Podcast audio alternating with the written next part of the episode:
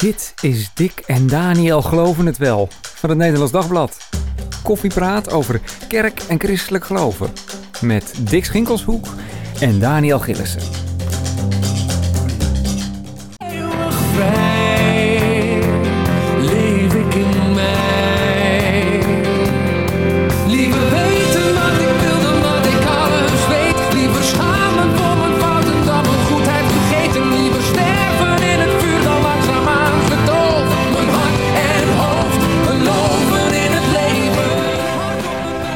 Ja, dat was eh, geloven in het leven van de drie J's. Zoals het ook op eh, Witte Donderdag in de Passion klonk op televisie. Ehm, welkom bij deze podcast, nummer 50 van Dick en Daniel Geloven het Wel. Zijn vind we ik wel een, eh, momentje hoor. Dick. Ja, nou. Precies. Geen taart, want het is natuurlijk Goede Vrijdag. En daar staan wij bij stil. Ehm, eh, geloof in het leven van de drie J's. eh, Bert van Veluwe, onze gast eh, van vandaag. Eh, de Passion is eh de ruim tien keer nu al opgevoerd. Hoe kijk jij aan tegen dit eh, fenomeen? De manier op, om Goede Vrijdag en Pasen dicht bij, nou ja, bij de mensen te brengen?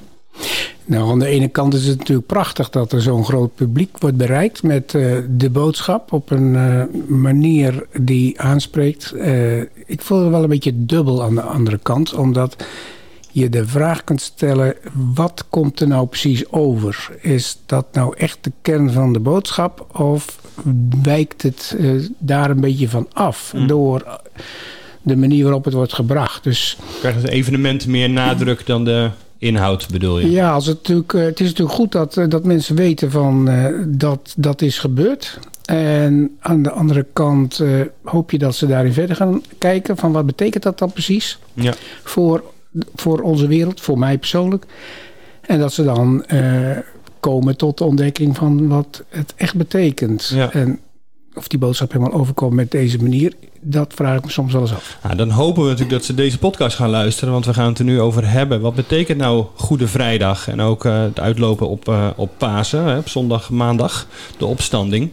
En we spreken erover dus met jou, eh, Bert. Hartelijk welkom. Je bent protestants predikant in IJsselmuiden en auteur van een net verschenen boek, Jezus kruisdood in beeld, hedendaagse en bijbelse metaforen van verzoening en verlossing.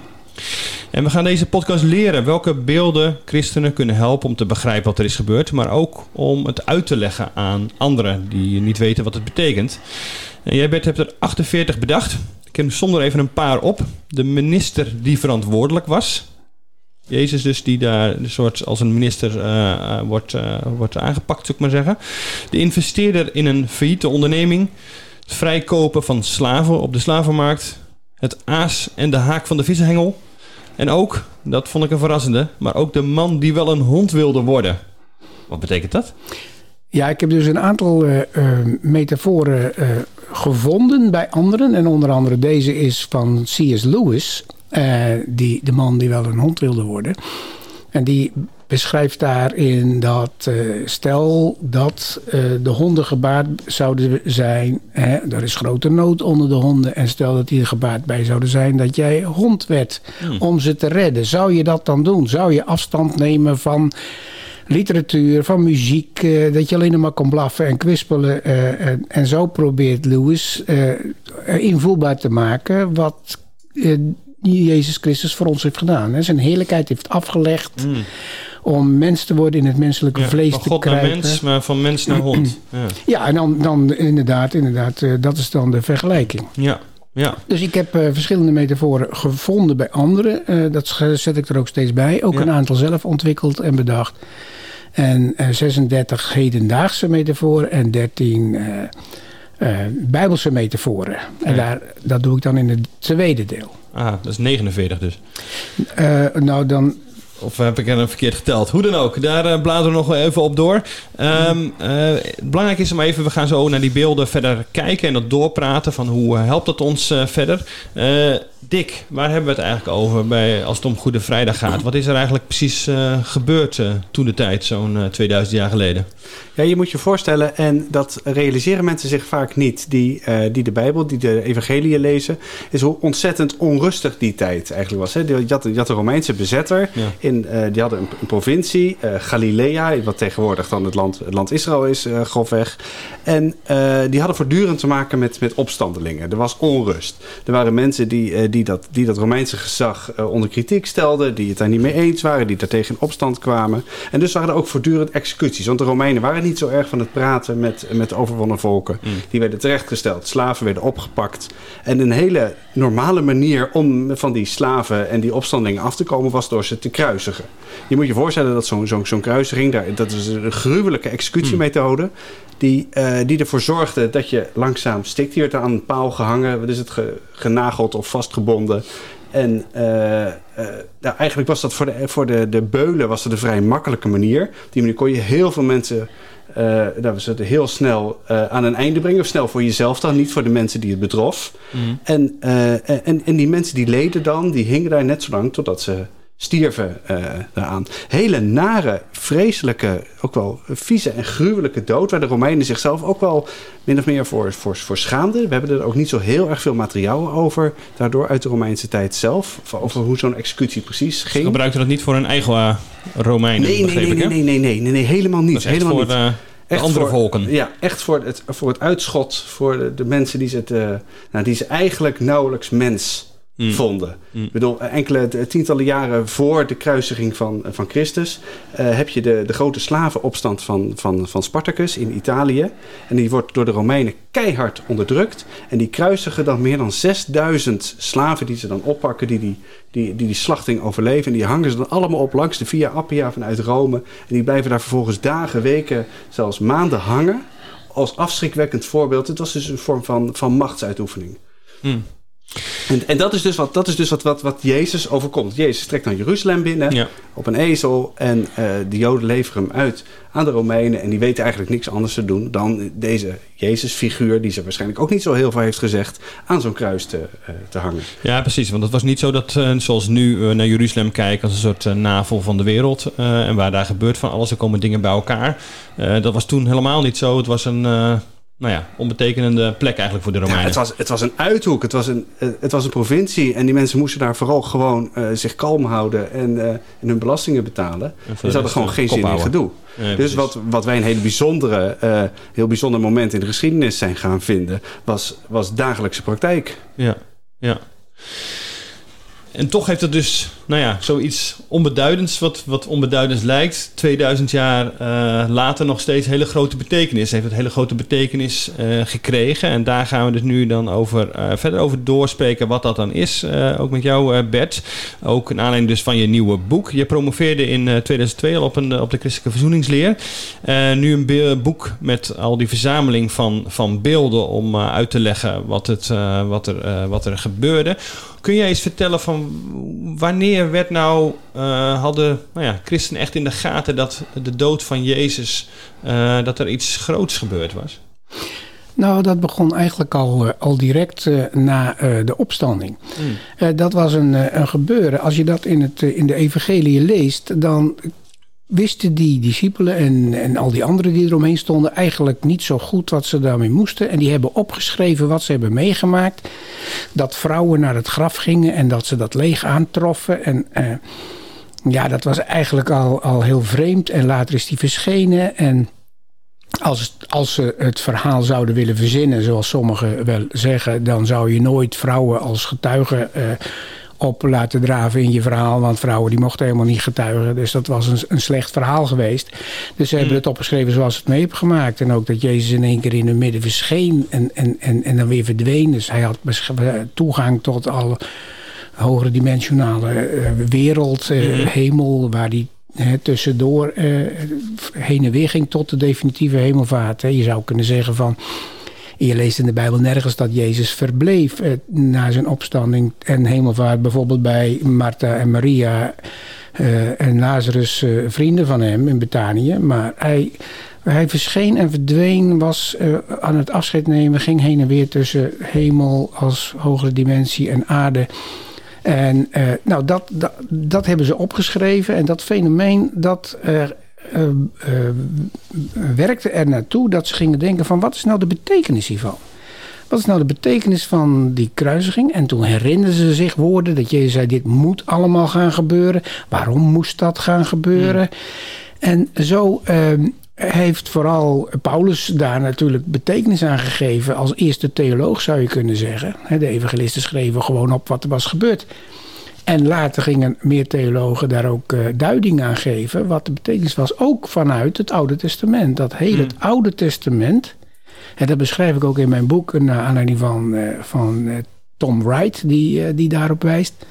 Dat eh, eh, als de, Jezus bij de Emmersgangers eh, loopt, zegt hij van, vanuit al de schriften en al de profeten, en het staat er wel twee keer, het woord al, ging hij uitleggen dat de Messias moest lijden en sterven en opstaan. Ja, dus precies. Dus wees op een gegeven moment wel van dit is meer dan alleen. Nou ja, hij, hij was een, nou ja, werd gezien als opstandeling. Of in elk geval zijn volgelingen moesten even de mond gesnoerd worden. Dus daarom moest hij de dood gebracht worden. Nee, dat, dat ter dood brengen op zich heeft betekenis. Daar is iets gebeurd wat meer verder gaat dan je misschien voor het eerst voor het oog zou zien. Ja, ja dat is dus ook. eh, eh, sommigen zeggen van het is vooral eh, iets subjectiefs dat iets in ons teweeg heeft gebracht. Maar ik eh, ben Wat, een- wat, een- wat bedoel je daar precies Nou, mee, dat, dat, dat, dus, eh, dat ze gezien hebben wat Jezus gedaan had. En dat dat iets oproept aan wederliefde bij ons. Een subjectieve verzoening bij ons. Maar dat is het niet. Het is echt iets objectief gebeurd daar. Wat hoger uitstijgt boven deze zichtbare werkelijkheid. Er is een code gekraakt. Een betovering verbroken op een of andere manier.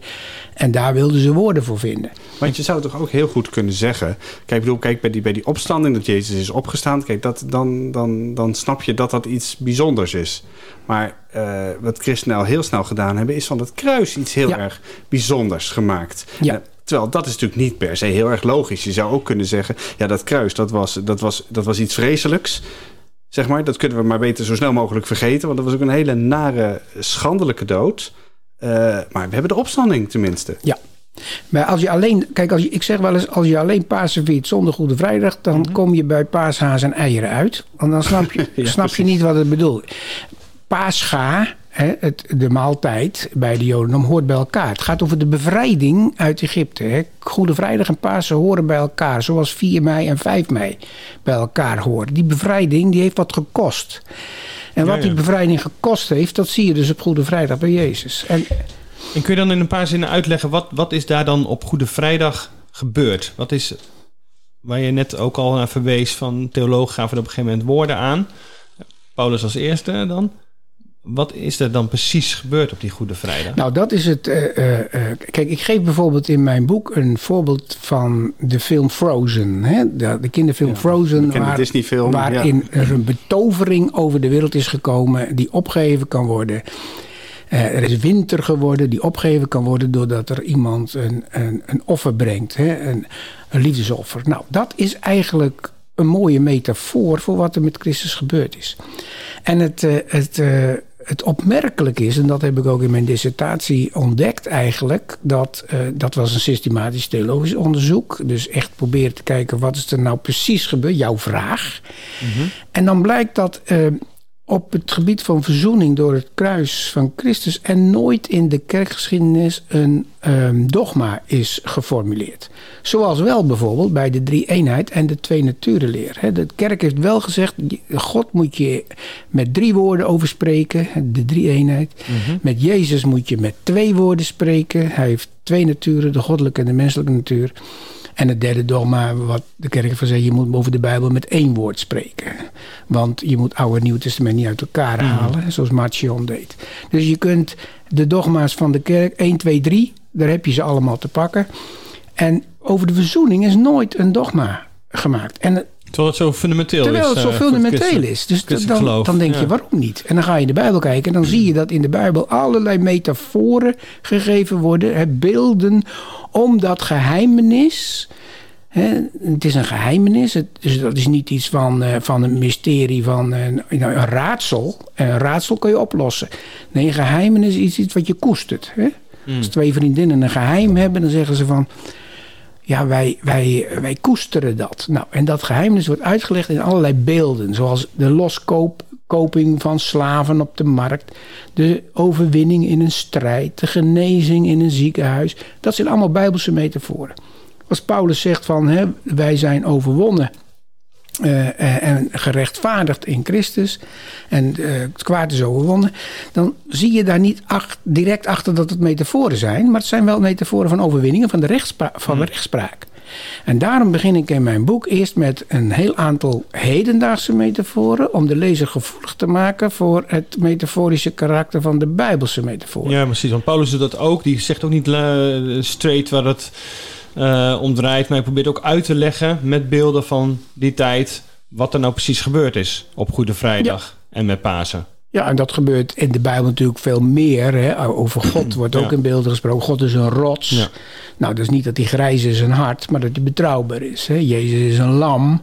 Dat betekent ook niet dat hij vier poten heeft en een staart, maar dat hij eh, zoals, hè, zoals een lam. Dus je kunt over dat grote geheimenis ook alleen maar in beelden spreken om het duidelijk te maken in deze tijd. En, Ja. en, en daarom is het ook wel aardig om nog even op de Passion terug te komen. Dat men geprobeerd met liedjes uit deze tijd eh, te peilen of je iets van het geheim kunt plaatsen. En of ze daar helemaal in gelukt zijn, dat is dan een tweede. Maar ik probeer in mijn boek... Ze proberen ook een deel daarvan, kun je, zou je kunnen zeggen. Ze proberen gewoon een deel daarvan te laten Ja, zien. En misschien is het niet het hele verhaal nog, maar dat zijn ook, nou ja, inderdaad, volg op andere momenten ook, eh, nou ja, ga naar de kerk. Bijvoorbeeld, waar je ook weer een deel, eh, waar, je, waar Ja. je hoort wat er bedoeld Ja, ik, ik zeg dus ook in mijn boek van dat die, die, die, die eh, 36 eh, beelden of 35 beelden die ik eerst geef, dat die getoetst moeten worden aan de Bijbelse beelden. Dat is eigenlijk onze norm. Hè? Ja. De Bijbel is, is de kanon en daar moet het aan getoetst worden. Dus dat, dat is altijd het belangrijkste. Ja. Ja. Ja, want dat is natuurlijk het, het eigenaardige van beelden. Is dat eh, je kunt een beeld altijd over, over, overstrekken. Zeg maar, en het houdt altijd erg, ergens op. Je zegt net, ja, eh, dat, dat we zeggen dat Jezus het, het, het lam van God is. wil niet zeggen dat hij vier, vier poten heeft. Weet je, dan, dan trek je een beeld te ver door. Dus iedere metafoor is eigenlijk dus gebrekkig in zichzelf. Zet, Ja, een, zet een, klein, een klein, een klein Ja. onderdeeltje weer. Maar er zitten er ook een heleboel christenen zijn die denken... ja, maar het is toch, toch volstrekt duidelijk wat, we, wat wij geloven... over wat er aan het kruis gebeurd is. Eh, verzoening door voldoening. Aan het kruis heeft Christus betaald voor onze zonde. Wat is daar nou ingewikkeld aan? Nou ja, maar dat is precies, eh, als je dat verzoening door voldoening, daar zit ook alweer een beeld achter. Namelijk dat er iets voldaan moet worden, dat er iets betaald moet worden, gecompenseerd. Waarom moet er iets gecompenseerd worden? Dat het een, een losprijs is, eh, dan zie je ook alweer dat het een beeldspraak is. Dus zodra je erover begint te praten, ook, ook, ook mensen die zeggen het is toch volstrekt duidelijk, hebben dus te weinig door dat ze allerlei metaforen gebruiken. En dat daar altijd grenzen aan zitten. Nou, ik zal je een voorbeeld geven uit, eh, uit de Bijbel en de, en de geschiedenis... waarin dat er echt eh, eh, duidelijk wordt wat het fout gaat. Bijvoorbeeld, er is een losprijs betaald. Hè, het kruis is dat er een losprijs is betaald om ons vrij te kopen. Ja. Ja, en dan is de vraag, als je het doortrekt... Aan wie is die losprijs betaald? Nou, dan gaan in de kerk, in de kerkgeschiedenis lees je dan dat mensen zeggen aan de duivel.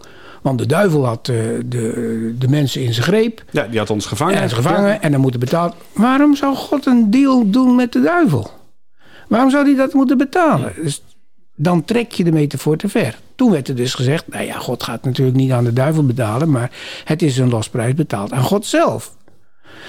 Waarom zou er aan God een prijs betaald moeten worden? Is God dan de boze boer die, eh, die bloed wil zien? Hè? Ook een karikatuur wat gemaakt is van een van de grote eh, mensen uit de geschiedenis, Anselmus. Nee, En God, opnieuw trek je de metafoor te opnieuw ver trek door. je de metafoor te ver door. Ja. Ja. En daarom ga ik in mijn boek, elk hoofdstuk begint met van eh, de aanleiding, van nou, wa- waarom deze metafoor? Dan geef ik de metafoor zelf. Dan geef ik de spits van de vergelijking. Hè. Soms is eh, de, de spits van de vergelijking, eh, eh, nou ja, zoals bij die hond is dat eh, de, de incarnatie, hè, dat Jezus vlees aanneemt. De andere keer is het bevrijding, de andere keer is het En plaatsvervanging. allemaal deeltjes Deeltjes, zien. ja. zeg maar. En ik geef daarna ook de grenzen aan. hè. Telkens weer zeg ik deze metafoor zegt dit, maar als je hem te ver doortrekt, dan gaat het fout. Je moet de grenzen ook weten. Nou, daarom heb je een heleboel metaforen nodig. Hè. En ik hoop met dit boek ook, eh, want dat was eigenlijk mijn, van mijn dissertatie heb ik een, een, een systematisch boek geschreven. Dit is meer een boek om te gebruiken Ja. voor de communicatie van de kern van het evangelie in Nou ja, in preken voor, voor predikanten, in bijbelkringen, eh, voor kat, eh, kindernevendienst, hè, zoals Frozen. Of er staat ook een metafoor in van een film van Bruce Willis, voor jongeren misschien. Eh, om, om dat, en dan kun je daarover verder praten. En van, nou, wat is deze metafoor? Wat zegt het wel, wat zegt het niet? En hoe kom je daarin verder? En zo hoop je dan dat er eh, begrip komt voor dat geheimenis, om dat te koesteren en om dat, te omarmen als eh, ja, de grootste gebeurtenis in deze geschiedenis, die echt de code heeft gekraakt. Want dat is wel nodig, zeg maar, dat je het eh, toch verder uitlegt. Omdat het niet zomaar te begrijpen is. Niet... Nou, eh, dat vroeg iemand mij ook eh, eens van waarom is dat dan zo nodig dat er zo'n zwaar offer moet gebracht worden? Waarom zo'n straf? Wat is er eigenlijk aan de hand dan in de wereld? Ja, en dan, dan kom je toch op, eh, op eh, de zonde. En dan zeg je, oh, hebben we het weer zonde? Nee, maar nou laten we het eventjes zo, zo zeggen. Het is in die lange mensgeschiedenis nog nooit ons gelukt... om hier in vrede, laat staan, in liefde met elkaar te leven. Waarom lukt het ons niet? En nu weer die oorlog in eh, Oost-Europa. En al die andere eh, brandhaarden, oorlogen en hongersnood. Waarom lukt het ons niet? Nou, Leszek Kolakowski, dat schrijf ik in mijn boek over het kwaad. Dat vond ik wel heel mooi. Leszek Kolakowski, een, een, een eh, voormalige marxistische, eh, eh, communistische filosoof uit Polen. Die zei, toen hij dus de vergruwelijke dingen van Stalin meemaakte. Hij zei, jullie christenen hebben iets, dat moet je nooit opgeven. En dat is het dogma van de erfzondeleer. Nou, is niet populair. Hij zegt, maar dat is het enige dogma wat je zo kan zien. Kijk maar om je heen. Alle mensen deugen, niks ervan. Nee, dat, eh, ja, op een bepaalde manier kun je dat zeggen. En ik snap dat het perspectief van, van Bregman eh, is. Maar Ja, ik- Rutger Bregman inderdaad een best- bestseller Ja, daarover heeft geschreven met die titel. Hè? dat, Ja. Mm. eh, dat perspectief is te bekrompen. Dat is te narrow-minded. Dat is alleen maar in deze binnenwereld bekeken. En als je, de bui- als je de wereld. Als je nog idealen hebt. Als je nog idealen hebt dat het beter zou moeten met deze wereld. Of beter zou kunnen. Dan ga je er anders naar kijken. Maar anders leg je je erbij neer. Dan zeg je ja, het is nou eenmaal zo. Mensen maken ruzie. En de meeste mensen deugen. En er zijn er een paar die niet deugen. Nou ja, goed. Maar, eh, maar als je het ideaal hebt van dat deze wereld nog verzoend kan worden. En nog ergens heen kan. Dat er toekomst is. Dan kun je je daar niet bij neerleggen. Mm. En dat doet God ook niet. Hij legt zich er niet bij neer. Hij Nee. komt naar deze wereld om de code te kraken. Dat Ja, een- want wat, welke code is er dan precies gekraakt? Wat heeft er nou echt opgeleverd dan die kruisdood? Als je daar hè, nu naar luistert, naar deze podcast en denkt van... maar oké, maar wat hebben we hier nou Ja. aan? Om maar even zo te zeggen. Nou, ik, eh, ik had het net al over 4 mei en 5 mei. Misschien is het wel aardig om daar even bij aan te sluiten. Dat is een, eh, een metafoor over kruisdood en opstanding van Koelman, een Duitse theoloog. Die zei van, je, moet, je zou het zo kunnen zien, Goede Vrijdag is D-Day. Hè, toen de, eh, in de Tweede Wereldoorlog de geallieerden in eh, Normandië landden. hè, bij 6 juni was dat. Ja. 44, dat was D-Day, Decision Day. De beslissing is gevallen. Op Goede Vrijdag is de beslissing gevallen. Maar V-Day, Victory Day, dat staat nog even uit. Dat is de tweede komst van Jezus. Wij leven dus in die tussentijd. En dan kan het nog best wel heftig worden. Daar heeft de Bijbel het over. Hè? De, de, het kan, de hongerwinter is toen nog geweest. Nou, terwijl toch de mensen, als ze rond de radio stonden, te, hè, toen ze hoorden over die day, stonden te juichen. Want de beslissing was gevallen, de vijand is verslagen. Nou, dat is op het kruis gebeurd. De vijand is verslagen. En nu leven wij in het tijdperk van de geest. Hè, de Heilige Geest, eh, de derde persoon van, van de Godheid. Die dus eh, eh, door mijn geest zal het geschieden, zegt God. Dus dat is nog een heel lang proces van dat wij toeleven naar de Victory Day. En waarin wij dus op een bepaalde manier ook als mensen worden ingeschakeld. Ja, wij worden ook Zou je, ja, zou je kunnen zeggen. ja, zeker. de kerk, hè, de, de God. eh, Ga meevechten met, nou ja, ook. God. Mag je dat ja. zo zeggen? Ja, maar dan niet te triomfalistisch van dat eh, wij het zouden redden, maar, maar meer uit dankbaarheid eh, dat je eh, je leven zo gaat inrichten. Ja. Ehm, ik wil nog even over die, over die beelden door. Want ik moet eerlijk zeggen, dat intrigeert me wel. Ik, ik snap wat je zegt van het is een geheimenis. Daar kom je niet bij. Als je dat gaat redeneren, dan, dan je krijgt er de vinger gewoon niet achter. Ehm, dus je moet daar in beelden over praten. Eh, de Bijbel geeft beelden die dan als een soort norm gelden, hoor ik je zeggen. Dus voor alle beelden die wij bedenken, die moeten we wel toetsen aan wat de, wat de Bijbel daaraan beelden over, over geeft. Maar zou je op een bepaalde manier ook kunnen zeggen dat sommige beelden eh, beter zijn dan andere? Zijn er, is er bijvoorbeeld een beeld waarvan jij zegt, eh, Bert, van ik vind dat het eh, eigenlijk het, het beste, meest complete beeld. Nog steeds is het een beeld en nog steeds is het niet helemaal compleet. Wat mij betreft is dit beeld, dat, dat staat voor mij op één. Ja, de, kijk, er zijn beelden waar die maar één aspectje. eh, Ja, hele kleine, hele klein- kleine maar wel, zo, ik, dus. laat ik even één noemen. Dat is de, de straftijd bij ijshockeyers. Dat beeld gebruik ik. Dat is. eh, Strafte, ja, ik, ik ijshockey niet, dus je moet nee, het even ijs- nou, uitleggen. nou, eh, als je aan het ijshockeyen bent, dan kun je straftijd krijgen voor, voor een overtreding. Hè? Dan, dan moet er iemand uit. Dan moet je even op. Oh, die moet op de bank je zitten. moet Gele kaart, maar dan... eh, ja, ga je op de bank. strafbankje zitten. Dus dan Ik heb je, snap het. dan heb je powerplay, zoals het heet. Want dan heb je dus de een heeft een speler minder.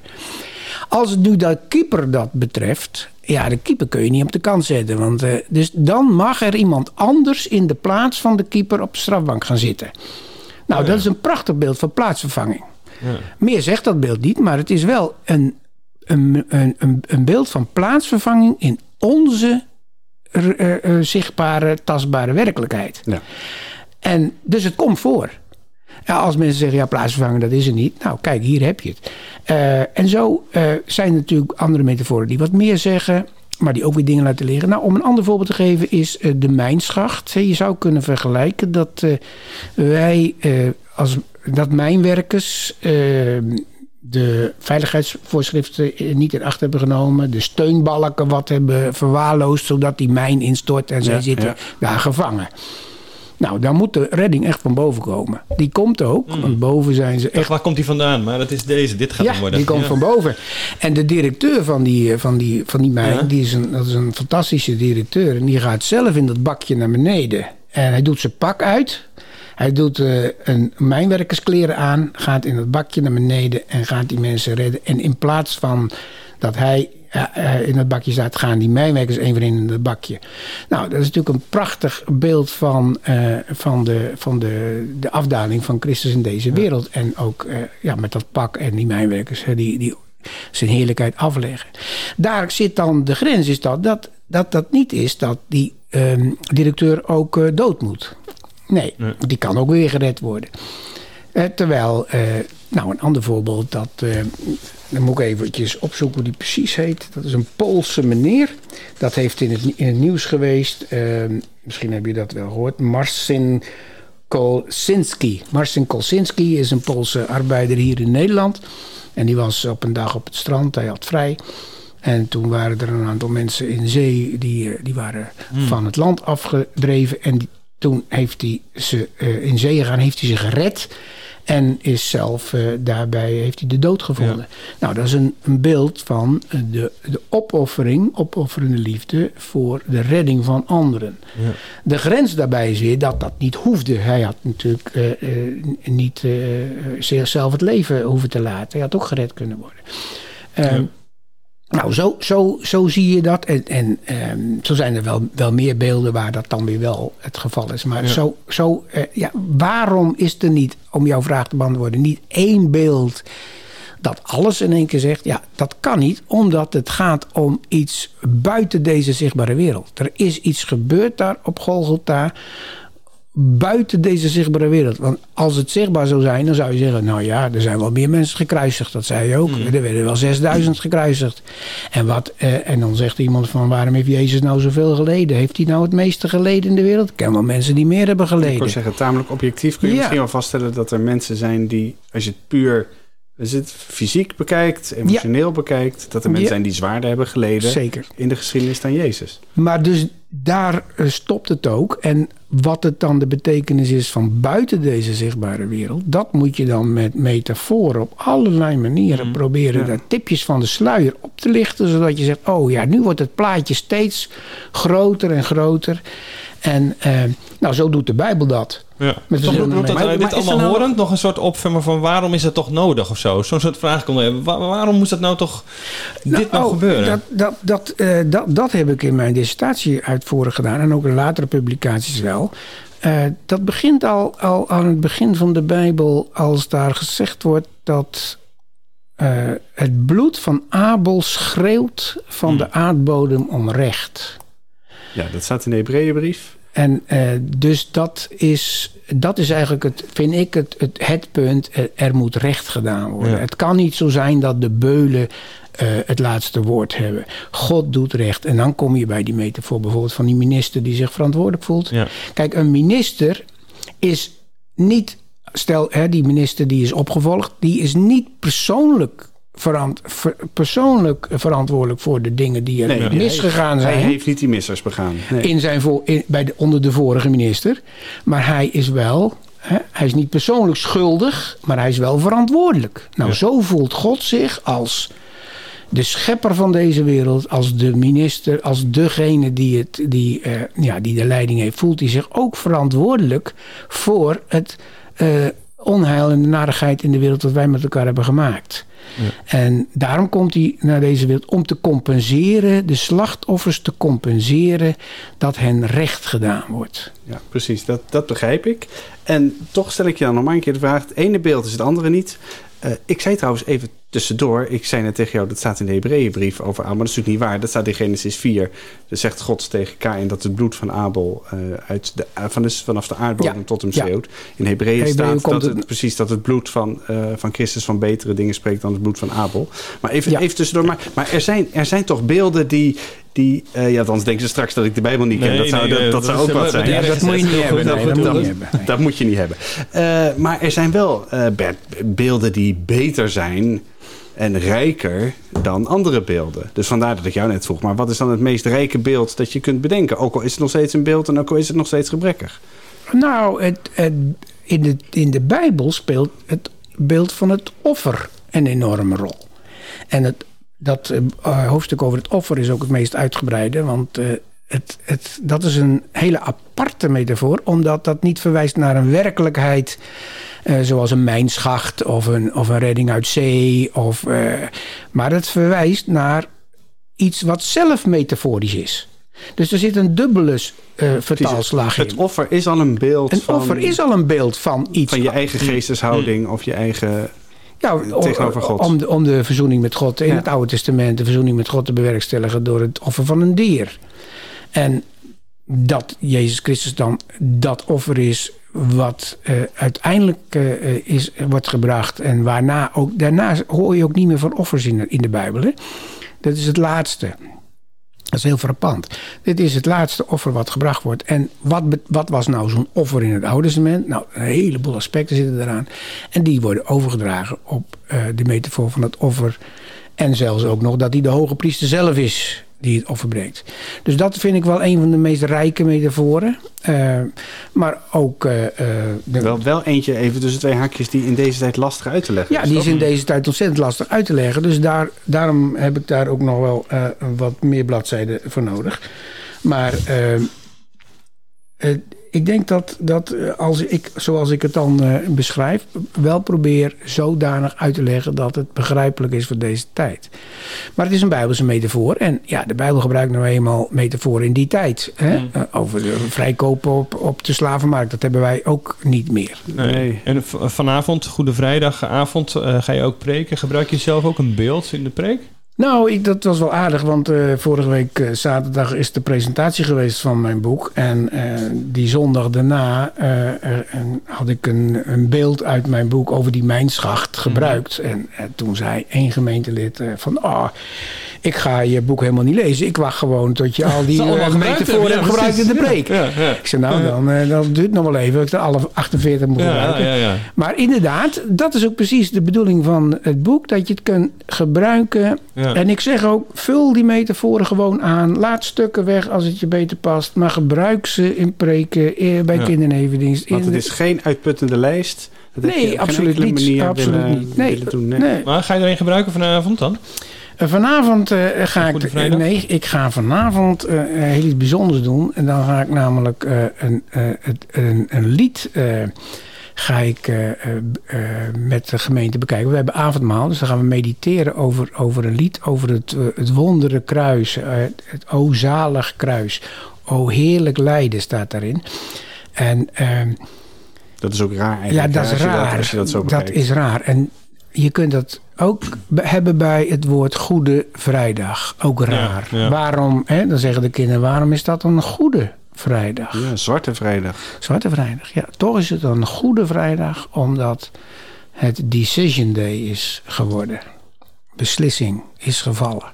Wij zijn bevrijd en mogen leven met Christus, die als eerste opstaat uit de doden. Wij mogen hem daarin volgen. Hij heeft een gat gemaakt in, in de dood. Hij is aan de andere kant opgestaan van de dood, niet aan deze kant, zoals Lazarus en eh dochtertje van Iris, maar aan de andere kant. En wij kunnen hem, als we in hem geloven, daarin volgen. En daar ga je het vanavond eh, Over, Over dat lied hebben. ga ik het Bij hebben. het, Over eh, dat heerlijk eh, ja, kruis, over het zalig kruis. Mooi. Dank Bert voor eh, deze uitleg van eh, alles rond Goede Vrijdag en, eh, en Pasen daarmee ook natuurlijk. En willen jullie als luisteraar ook een gezegende Goede Vrijdag en Pasen toewensen. En tot eh, de volgende keer. Lees ook, wil je meer weten, lees dus Bert zijn boek Jezus Kruisdood in beeld.